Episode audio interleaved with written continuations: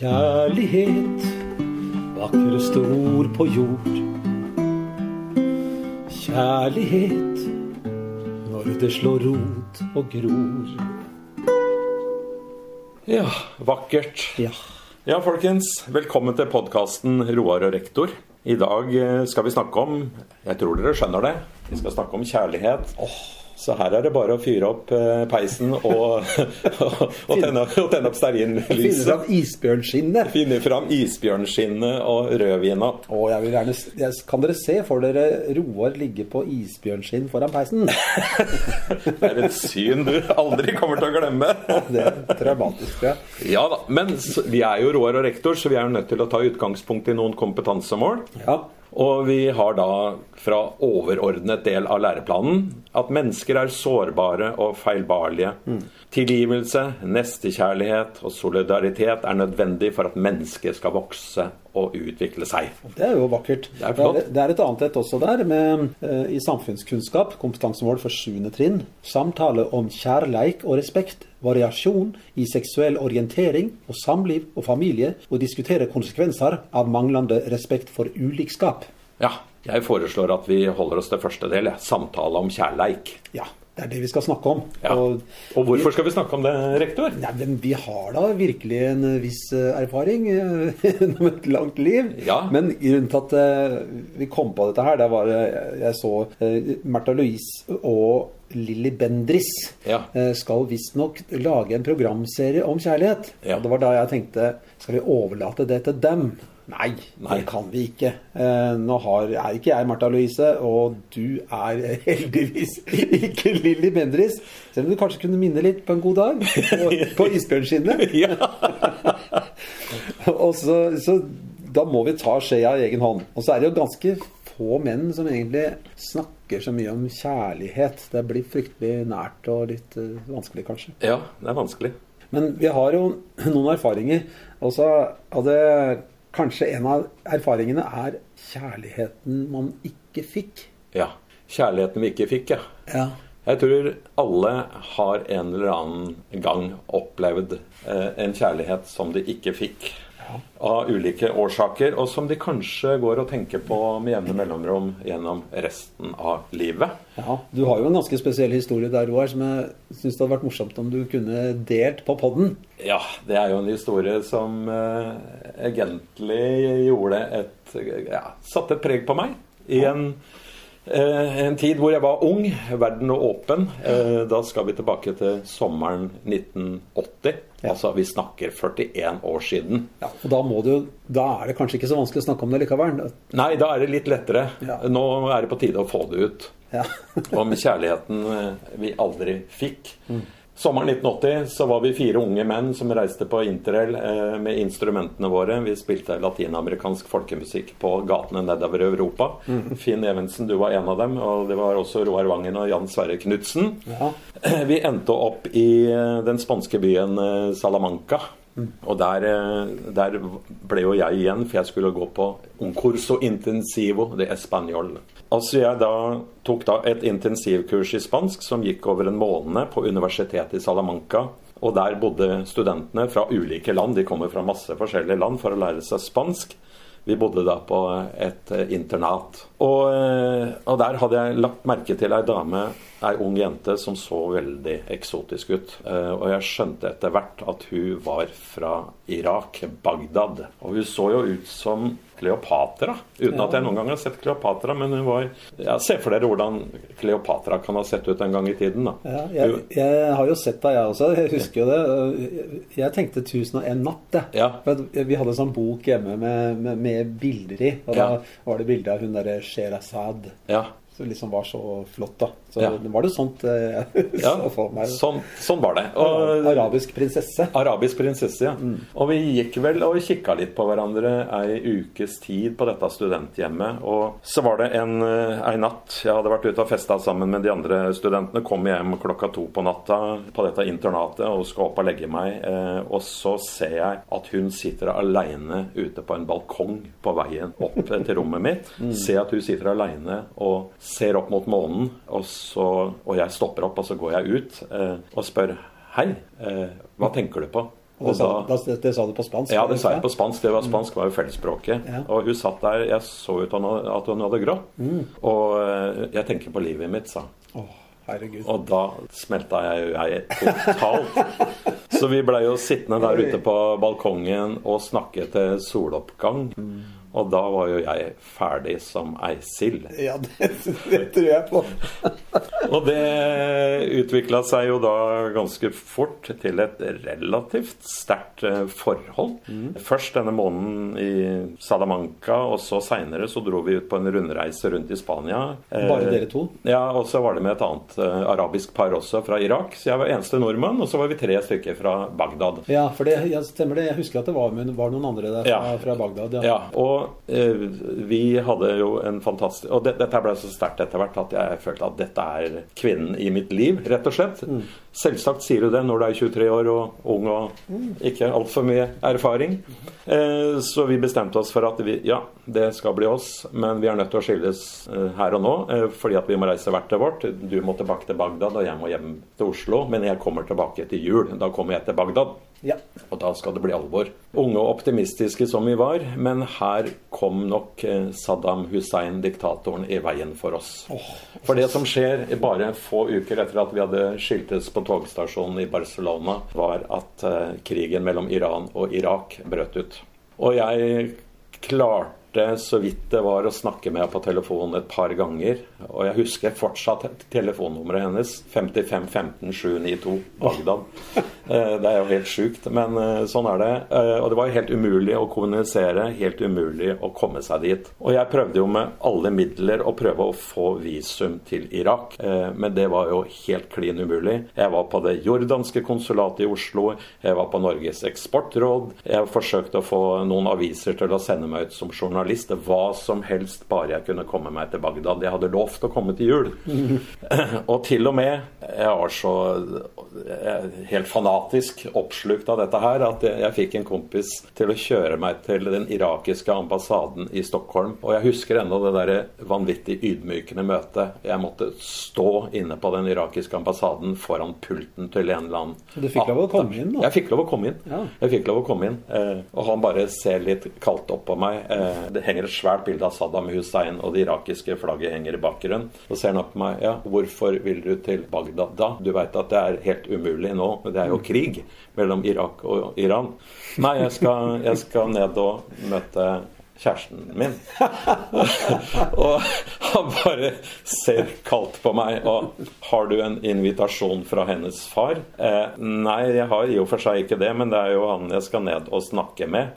Ok, så du har altså ingen invitasjon. Du har heller ikke utsendt av noe firma. Du kan bare glemme det. Dette er umulig. Så det var på en måte enden på den visa. Men jeg var jo ei tåke i mange måneder Ja, for du, du prøvde, Jeg husker jo at du prøvde å få kontakt med faren hennes, Ja. og sendte jo til og med et brev som jeg måtte undertegne på. Ja, du måtte undertegne på vegne av min far. Ja, jeg Ja. skrev med min peneste løkkeskrift 'Hilmar Bjerkeli' Ja. husker jeg. Ja, Ja. ikke sant? Og, eh, og dette her var da kan du si kjærligheten som blei ødelagt av storpolitikken. Ja. Og eh, egentlig kanskje litt forholdet mellom religioner. Eh, hun var jo muslim, hun var vel en relativt sekulær muslim siden hun fikk lov å reise på egen hånd og studere spansk i Spania. Faren hennes var ikke noe spesielt troende. Jeg fikk jo ganske god kunnskap om familien hennes. Eh, Men eh, det var eh, Storpolitikken satte egentlig en stopper for eh, vårt forhold. Og jeg, jeg, jeg har tenkt på henne i mange år etterpå.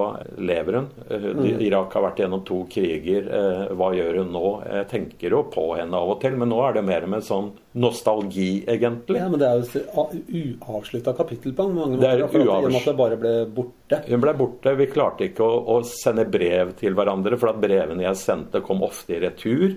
Ja, så du vet ikke om, om hun fikk dem en gang. Nei, jeg vet at hun fikk noe. eh, Fordi at nemlig det som skjedde ett og et halvt år etterpå, da hadde jeg allerede flytta til Spania, så fikk jeg ettersendt et brev som hun hadde fått smugla med noen venner som hadde reist til London.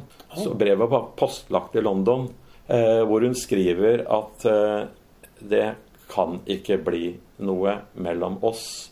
Eh, men hun hadde utelatt et åpent felt for ikke. Hun hadde ikke klart å skrive ordet 'ikke'. Hun bare lot det stå et åpent felt. Og det gjorde at jeg blei jo Å, dæven. Enda mer uavklart, ikke sant? Og jeg Nei, jeg har tenkt på det. Det er klart, tiden leger alle sår, og verden går videre. Men det var et uh, eksempel på kjærligheten du aldri fikk, og som jeg tenker mange kan ha opplevd. Og jeg er sikker på at nesten alle har opplevd en eller annen form for kjærlighet som blei umulig på en eller annen måte. Ja, og så blir man sittende igjen med spørsmålene om hva ville skjedd dersom Ja. dette hadde gått. Ja, Og det får du jo aldri svar på. Du får aldri svar på det alternative livet du ville ha levd. Men eh, jeg syns uansett det er en flott historie, da. Så, er- og jeg har jo hørt det før, men jeg, jeg syns det er fascinerende. Det er jo romanstoff, dette her. Ja, det er jo det. Ja. Så den romanen må skrives. det må jo gjøre før det dauer. Ja, det var, eh, det var eh, min historie. Men vi skal jo ikke bare handle om oss. Det skal jo handle om eh, kjærlighet som fenomen. Ja. Og vi kan vel gå tilbake til de gamle grekerne, rektor. Ja, det er godt at du kaller meg rektor. Det liker jeg godt. Ja. Ja, de gamle grekere. I gresk filosofi nå er vi liksom over, litt over på overbygning av det som Ja. er kjærlighet. da, Ja. På definisjoner. Og uh, Der skiller man da mellom fire ulike former for kjærlighet. Det er agape. Oi, ja. Det er den åndelige kjærligheten. Nestekjærlighet, på en måte. da, liksom Den altoppslukende kjærligheten. Så er det eros, som er den mer sånn erotiske kjærligheten. da. ja. Filos, som er kjærligheten til vennene sine. Mm. Og så er det storge, jeg vet ikke riktig hvordan man sier det, men eh, storge. Kjærlighet mellom foreldre og barn, altså i, familie, da. Så kjærlighet er liksom ikke én ting, men en hel haug med, med, med ulike nyanser og fenomener. ja. Så det er, det er egentlig en ganske Sjøl om den er urgammel, så er det en ganske god definisjon, da, eller en, Ja. en analyse av hva kjærlighet kan være. Ja, så vi, vi har jo I flere av poddene våre så har vi referert egentlig til de gamle greske filosofene. Ja, ja, har- Eh, Jeg merker jo hvordan de fortsatt påvirker tankesettet vårt om ulike fenomener. da. Ja, det, det, og det var rett og slett eh, fordi at uh, filosofi er jo egentlig å gå inn og analysere ting. Det er jo Ja. å finne logiske forklaringer på hvordan ting er. Ja. Det er ikke alltid noe bare sånn tankespinn og hva, hvor langt er universet og sånn. Det er ikke på den måten der. Nei. Nei. Men vi har en annen stor eh, mann, eh, hva skal du kalle han, filosof også, som jo har skrevet mye fint om kjærlighet. Ja. Erich Fromm. The Art of Loving. The Art of Loving. Ja. Kunsten å elske. Ja. Um, og den heter jo på norsk den, Han ga ut ei bok, og det det er jo virkelig en bestselger. Den har gått i mange tiår. ja. Og den på norsk den heter 'Om kjærlighet'. Mm. Og han har jo noen, noen eh, tanker om kjærligheten, og det, kanskje det viktigste han sier, er at kjærlighet er en aktiv handling. Ja. Altså Det er ikke noe du skal ikke sitte bare på ræva og vente på at noe skal skje. Nei. Det var det jeg tenkte da jeg dro til ambassaden, Du- den irakiske ambassaden i Stockholm. Jeg tok action. Det skal jeg i hvert fall ha. Det skal du ha. Nei, men Det er rett og slett en aktiv holdning. Er en, altså Du skaper relasjonene dine til andre. da. Ja. Det er ikke noe du bare får av deg sjæl. Og, og da må du være villig til å gi noe. Ja. Du må ofre noe, kanskje. Ja. Og, og du, må, du må ha liksom en, en holdning som, som er eh, kjærlighet. Ja, og han- Han skriver også at vi må være villige til å gi og forsake. Mm. Eh, Så vi behøver ydmykhet, mot, tro og selvdisiplin Ja, og da, for å kunne elske. Ja, nettopp. For at det, da, du må faktisk investere noe, da. Ja, For det handler ikke bare om å få, det handler mest om å gi. Nettopp. Ikke sant? det, jeg, jeg bruker å si det gjelder jo nesten alt. Altså Det som ikke koster deg noe, Ja. det betyr ikke noe for deg. Nei. Det er ikke verdt noe. Nei. Koster det ingenting, så er det ikke verdt noe. Nei. Sant? Det, det, ting skal koste. Og kjærlighet skal koste. Det kan jeg love deg. Ja. Det første skrittet er å bli klar over at kjærligheten er en kunst, akkurat som at det å leve er en kunst. Hvis vi ønsker å lære å elske, må vi gå fram på samme måte som vi må hvis vi ønsker å lære en annen kunst, som musikk, maling, snekring eller kunsten av medisin eller ingeniørarbeid. Erich Fromm. Det sier han, og det, det kan funke. Det Ja. bør iallfall ligge som en tanke bak i huet når Ja. vi forholder oss til kjærligheten. Han, han, skriver jo også at kjærligheten springer ut av våre dypeste behov, da, og mer sånne universelle livsutfordringer. Altså, Vi er jo dypt inne i filosofien her. Altså, vi snakker om de fire store. Eh, livet, havet, døden og kjærligheten. Mm. Ikke sant? Kjærligheten er jo nevnt som en av de store eksistensielle ja, fenomen. da. Ja, visst, eh, og han han snakker om at årsaken til det er jo at vi vet at vi skal dø en dag, og at vi er atskilt fra verden. Denne atskillelsen, denne ensomheten og isolasjonen får oss til å søke mening i kjærlighet. Mm. Eh, så, men Erich Fromm sier jo videre da, at uh, vi må utvikle vår emosjonelle modenhet for å kunne elske andre. Vi må vokse ut av barnets avhengighet og, og gi slipp på den derre selvopptattheten og de derre eh, opplevelsene om at vi er så unike og store og usårbare. Eh, så vi må altså, rett og slett jobbe med oss sjøl for å utvikle vår egen evne til å elske. Mm. Men nå sitter vi jo på en måte her og teori teoretiserer kjærligheten, ja. og jeg. Ja. Uh, og da blir jeg litt sånn Jeg føler meg litt sånn truffet, treffig. Ja. Hva gjør jeg? Altså Ja, fint. Kan du svare på det? Hva gjør du? Gjør Nei, nå stilte jeg spørsmål jeg ikke vet svaret på. det er det som er filosofi. Men jo, altså jeg prøver jo etter beste evne og i mitt daglige liv da, å møte folk med en slags uh, Kall det kjærlighet, da. Jeg vet ikke. Eh, en slags vennlighet, i hvert fall. At, ja, eh, det er en god start. Altså, som grekerne her beskrev som nestekjærlighet. Altså du faktisk har en Du er ikke fiendtlig i møte med andre personer. Du Nei. skal være vennlig og, og, i forhold til dem, da. Ja. I, eh, I, familien min så, så, prøver jeg jo på det samme. Det er ikke alltid like enkelt, da. Men, Nei, men jeg vet at du Det er jo mange måter å uttrykke kjærlighet på. Jeg har jo tenkt av og til når jeg ser ting som du har lagt ut på Facebook hvor du har vært ute og plukka planter og blomster, og du har dandert de flotteste retter, og så pynter du med små blomster på toppen. Det, for meg så er jo det Det er ikke et rop om hjelp, men det er, et, det, er, det er, en form for å uttrykke at du er glad i noen. Du har lyst til å legge inn det lille ekstra. Du, du sier jo noe med det, egentlig. Du ja, sier jo egentlig indirekte at 'jeg elsker deg'. Ja. Ja da. Og det er jo det vi skal komme litt eh, inn på litt senere på den her. Akkurat ja. dette med, med, kjærlighetens forskjellige språk, da. Ja. Mm. Mm. And I will always love you.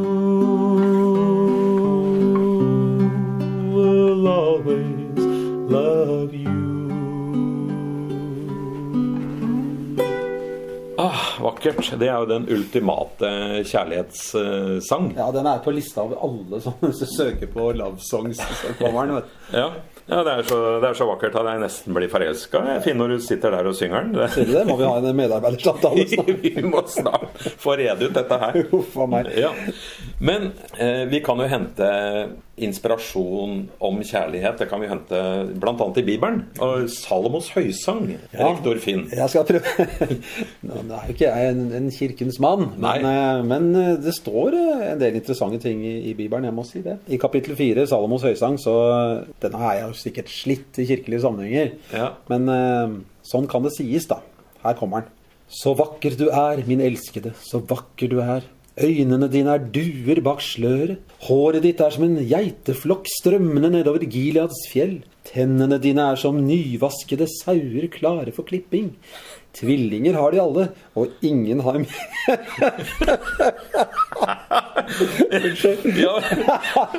ja. Tennene dine, dine, er som nyvaskede sauer.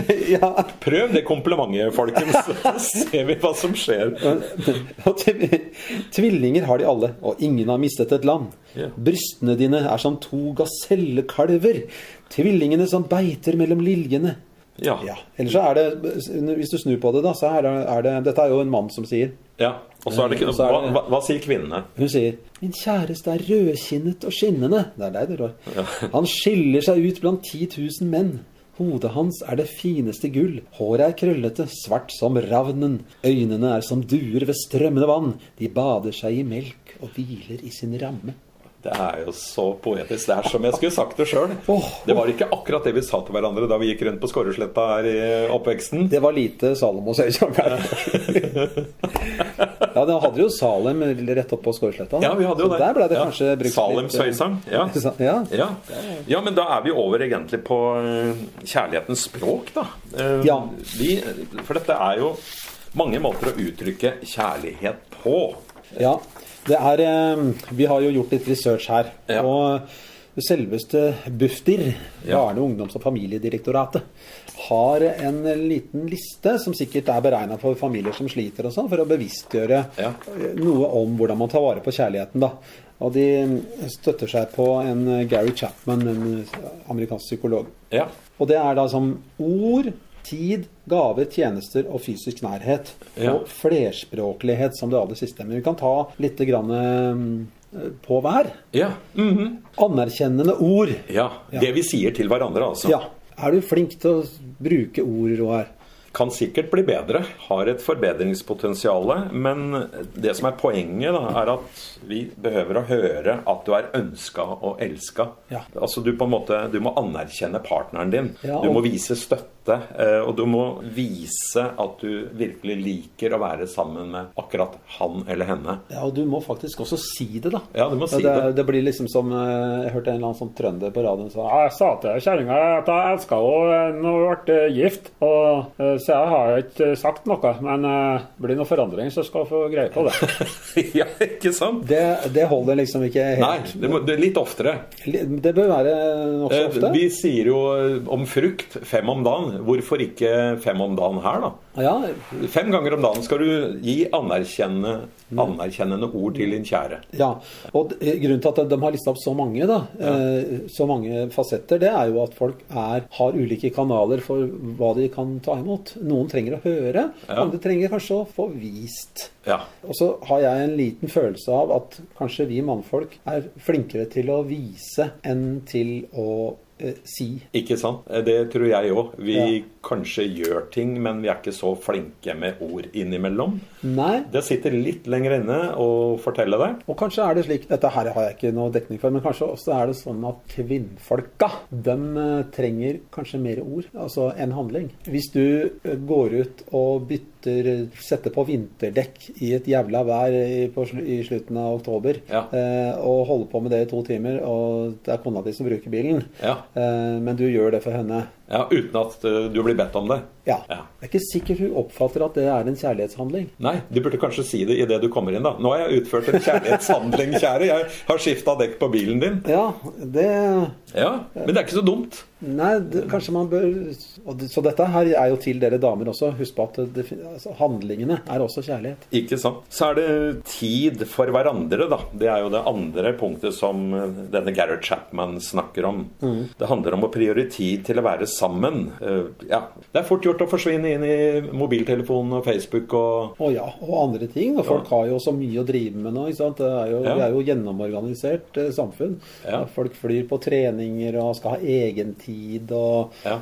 Og så er det jo dette her med ja, hvordan kan man, kan man vokse sammen da, hvis ikke man bruker tid på hverandre? Det, man er nødt til det. Mm. Og noen, men noen kanskje kvier seg for det, fordi de har kanskje uløste saker som gjør at det å være tett sammen over tid eh, er vanskelig. Ja, og særlig hvis du har litt vanskelig for å prate innimellom òg, så Ja, Så forsterker det seg. vet du. Ikke sant. Da bare, til slutt så unngår man hverandre. Ja. Flytter ut på hver sitt eh, soverom og Ja. eksisterer sammen. Gaver er det tredje. Altså, det, da snakker vi ikke om at du skal komme hjem med en diamantring i uka, men eh, det handler om ofte småting som du veit at partneren din setter pris på. Ja. At du har kjøpt noe godt til middag som den andre, du veit at den andre liker. Ja, Eller at du har eh, vært ute og plukka blomster. Nå, Ja. er jo, nå, er- akkurat nå er det midt på sommeren, så det er masse blomster. Ja. Husk på det, Roar. Ut og plukke prestekrager, Ja. og gi blaffen om noen ser deg. Jeg kan jo bare late som jeg leiter etter brillene mine. ja. Så har vi tjenester, da. Det, det handler jo litt om det der vi snakka om i stad. Det å skifte dekk på bilen. Og det kan være Ja. det at du tar fram støvsugeren og faktisk gjør noe. Eh, Skraper bilen fri for is, eller du et eller annet som du Ja. Alt som kan glede den andre. Ja. Ja. Og da, men da må man jo også vite hva den andre faktisk eh, liker da, og setter Ja. pris på. Ja. Eh, Og for å vite det, så må du Bruke tid. Tid og språk. Du må Ja. lære deg kanskje å spørre, og så må du kanskje lære deg å, å tolke kroppsspråk. Ja. Eh, utrolig mye blir jo uttrykt gjennom kroppsspråket. Ja, ja, ja. Så da har vi den. Det var det fjerde. Det femte er jo da selvsagt fysisk nærhet. ja. Ja, Det handler om mye mer enn sex, da. Eh, Det handler om bare rett og slett bare ta på den andre. Jeg, jeg, nå er jo vi i en alder hvor folk ofte har vært sammen i mange, mange år. Ja. Eh, og hvis vi ser på folk rundt oss, som, så er det kanskje ikke så mange som er så fysisk nære hverandre lenger. Man er jo det. Når man er ung, sant, så driver man og både har seg hele tida og tar på hverandre og puser og ordner med hverandre. Ja. Men så blir det mindre av det, kanskje. Kanskje. Burde man minne hverandre på det? ja, kanskje det. Kan puse litt mer. Puse litt mer, ja. Det handler rett og slett om å bli flerspråklig. Det å kunne spille på flere strenger, da. Ja, ikke sant. Det, og det er det viktigste punktet her, egentlig. Det er jo ikke lista opp, men det er bare som Du skal kunne alle disse tingene. Ja. Ord, tid, gaver, tjenester, fysisk nærhet. Og hvis du kan gjøre alt det, Ja. så er det ganske stor sjanse for at partneren din vil oppfatte i hvert fall minst én av de kan Ja. kanalene. Ja. ja, rektor. Det finnes jo mange former for kjærlighet. Jeg tenker også på type morskjærlighet og farskjærlighet. Ja. Og jeg tenker at hvis det ikke hadde vært for morskjærlighet og farskjærlighet, altså det her, den sterke følelsen av at dette lille vesenet her må jeg ta vare på, så hadde ikke vi, vi sittet her, noen av oss. Nei. Nei. Og den trigges jo av et slags beskytterinstinkt. Da. Det Ja. husker jeg veldig godt, særlig med den første dattera mi. At jeg, når jeg satt med den lille bylten i fanget, Ja. så jeg kjente bare på det grusomme ansvaret jeg plutselig satt på. Ja. Jeg sa, Herregud, dette mennesket er fullstendig avhengig av meg. Eh, Jeg må gi det alt jeg har for å beskytte det. Den, den kjærligheten er, handler mye om beskyttelse. Ja. Uh, og det gjør det sikkert med, med, med mammaer også. ikke sant? Dyr ser jo det ganske tydelig på. ja eh, bjørnebinne som går i døden for å forsvare unga sine. Ja, du skal ikke komme mellom Du skal ikke der. komme mellom binna og, og ungene. Nei, og ikke gjennom mellom elgku og kalv heller. Ja. Da ligger du tynt Ja. Jeg også husker jo den der følelsen jeg fikk da mitt første barn ble født. Eh, Så var det en annen følelse som slo inn, og som var en sånn deilig følelse. Det var ikke bare det at jeg skal ta vare på deg, men nå er jeg ikke lenger hovedpersonen i livet mitt. Ja, sant. Og det var så deilig! Ja. Det var så deilig! Ja, du flytter fokus. Flytter fokuset bort fra deg sjøl. Så egoet slapp på en måte, og nå er det noe annet som betyr noe mer enn deg. Ja. Og jeg kommer til å gå i døden for deg. Ja, Uten tvil. Ganske eh, merkelig følelse, akkurat det der, der glimtet, der du plutselig skjønner det. Ja. Nei, så Morskjærlighet og farskjærlighet det skal vi aldri undervurdere. Og, men jeg tenker jo på de menneskene som kanskje fikk oppleve, eller ikke fikk oppleve nok av morskjærlighet og farskjærlighet. Hva skjer da? Ja, og da er vi jo over på det som vrangsida av kjærlighet. De som ikke fikk det, da. Ja. Altså mangel på kjærlighet. Ja. Mangel på den type stimuli, det fører jo til de frykteligste ting. Altså Hvis man går inn og ser på hva, hvilke psykiske og fysiske lidelser folk måtte ha, så kan det jo være rett og slett pga. at de har et umøtt behov for kjærlighet, eller ikke fikk det de trengte for å få et solid fundament. da. Mm. Og da får man depresjoner og angst og Ja. spiseforstyrrelser og sjølskading. Ja. og Gud veit hva man ikke kan få hvis det, dette her er eh, ugreit og ikke stemmer. Ja, Så egentlig veldig mange av de psykiske lidelsene som vi ser i dag, det tror jeg rett og slett bunner i umøtt eh, behov for kjærlighet i en eller annen form. Ja, Og da vil man jo likevel forsøke å søke kjærlighet, kanskje i en annen form, da. Ja. Eh, og da kom jeg til å tenke på eh, Jeg var på et seminar for mange år siden eh, hvor det var sånt viseklubb eh, på, på Skedsmo viseklubb, var det ikke det det het? Jo. Jo. Så var han eh, gammel skuespiller som heter Rolf Søder, var innom. Ja. Han var virkelig med dress, og jeg husker han var så fin i tøyet. Men da satt han og leste et dikt, og det har jeg aldri glemt, det diktet. For det gjorde så inntrykk på meg.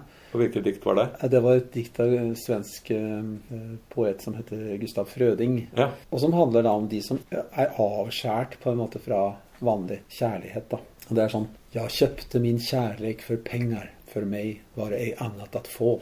Sjung vakkert i skorrande strenger, sjung vakkert om kjærlek ändå. För den som ur eden forbannats, er eden et eden endå. Nydelig. Ja, så, og det, da Jeg husker jeg tenkte på det. Så, ja, sånn er det. Du skal ikke dømme andre folks eh, kjærlighet. Så Ja, du har en, en egen historie der du eh, Ja. fortalte om eh, at du gikk med dattera di Ja, fordi at man blir fort forutinntatt overfor andre folk. Det kan være pga. måten de ser ut på eller oppfører seg på. Mm. Så er det fort gjort å bli eh, Dette mennesket vil jeg unngå. Kanskje fordi det ikke akkurat utstråler kjærlighet. Jeg husker, for jeg var et halvt år hjemme med hun første dattera mi, som ikke er med i Bæresæla. Vi bodde på Torshov i Oslo da. Så gikk jeg gjennom parken, og da så kom det en eh, ganske fælt utseende mann. Han virka både rusa og full. Var, han var ikke mye å se til. Og jeg var i ferd med å gå en liten bue for å unngå møten da, på den gangveien. Eh, Men så hadde jeg mm, dattera mi i bæresela, og hun hadde ansiktet samme vei som meg, altså utover. Ja. Og idet vi passerer han Hun snakka litt allerede som ettåring, skjønner du. Ja. Så sier hun, ser jeg på han, og så sier jeg 'Hei, mann', sier hun. Og da stoppa dette vraket av en gubbe og smilte over hele ansiktet eh, med fæle tenner og alt. og sa 'hei'. Og plutselig så forandra hele mannen seg, syns jeg. Da, Ja. da skjønte jeg at dette er ikke bare et fælt eh, vesen, det er et menneske. Ja. Eh, som nå opplever en form for kontakt som han sjelden opplever. Ja. Det kunne jeg se. Han ble så glad for å få den lille oppmerksomheten fra en ja, hun var, kan si, hun var en baby da, altså på ettåring. Eh, som, som jo fra hennes synspunkt ikke har den type sperre i det hele tatt. Men Bare uforbeholden kjærlighet til alt.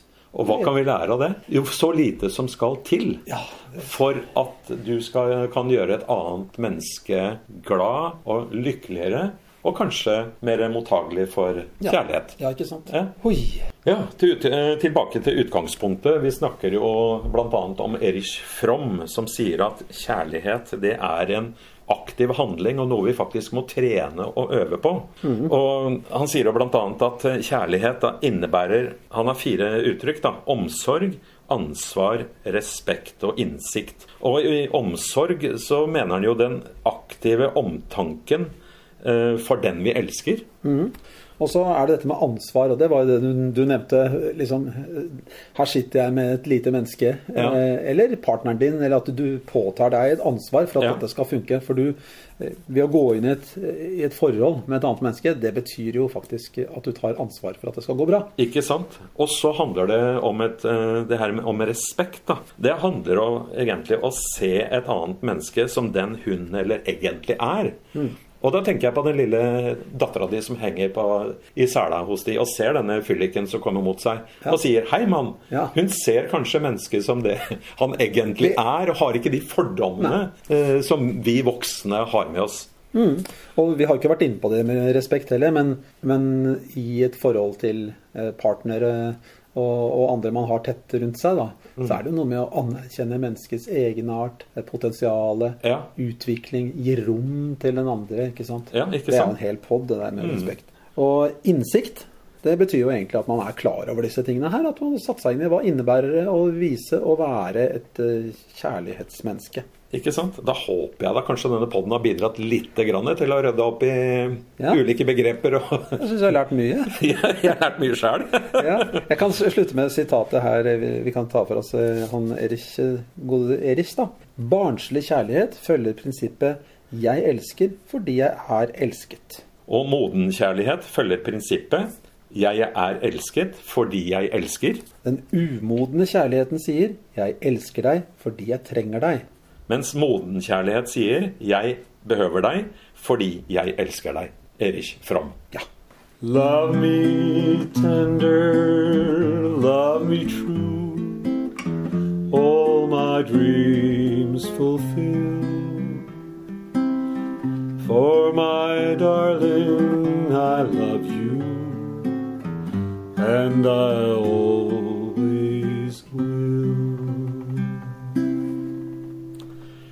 Takk for at du hørte på podkasten Roar og rektor. Gå ut og elsk din neste Som deg selv. som deg selv.